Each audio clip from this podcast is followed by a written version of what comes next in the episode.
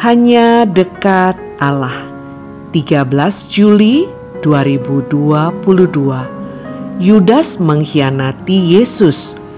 Lukas 22 ayat 3 sampai 6. Lalu masuklah iblis ke dalam Yudas yang bernama Iskariot, seorang dari kedua belas murid itu. Yudas pun pergi kepada imam-imam kepala dan kepala-kepala pengawal bait Allah dan berunding dengan mereka bagaimana ia dapat menyerahkan Yesus kepada mereka. Demikianlah catatan Lukas berkait dengan pengkhianatan Yudas. Lukas tampaknya perlu menyatakan dengan jelas bahwa pengkhianatan Yudas bukanlah murni inisiatifnya sendiri. Ada faktor luar yang memengaruhinya. Namun demikian, Yudas tidak bisa lepas tangan Meskipun ada dorongan iblis yang bertanggung jawab, tetaplah Yudas seorang. Tugas iblis memang membujuk manusia, namun mau atau tidak dibujuk bukan tanggung jawabnya lagi. Lukas tampaknya perlu mengingatkan pembacanya bahwa Yudas adalah seorang dari kedua belas murid Yesus. Itu berarti dia adalah orang yang dekat dengan Yesus, orang yang dipilih sang guru untuk menjadi muridnya jelas dia bukan orang sembarangan.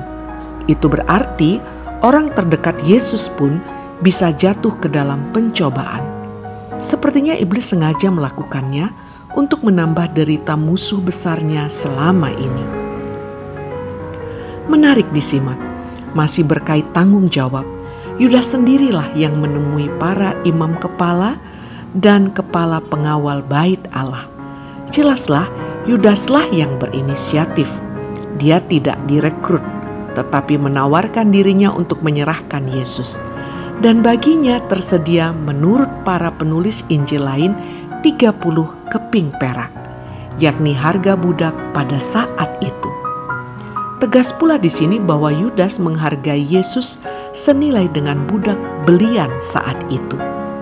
Lukas mencatat, ia menyetujuinya dan mulai mencari kesempatan yang baik untuk menyerahkan Yesus kepada mereka tanpa setahu orang banyak.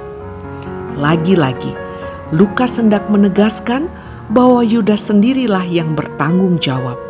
Ya, Yudas menyetujui upah pengkhianatan tersebut. Salam semangat dari kami, literatur perkantas nasional. Sahabat Anda bertumbuh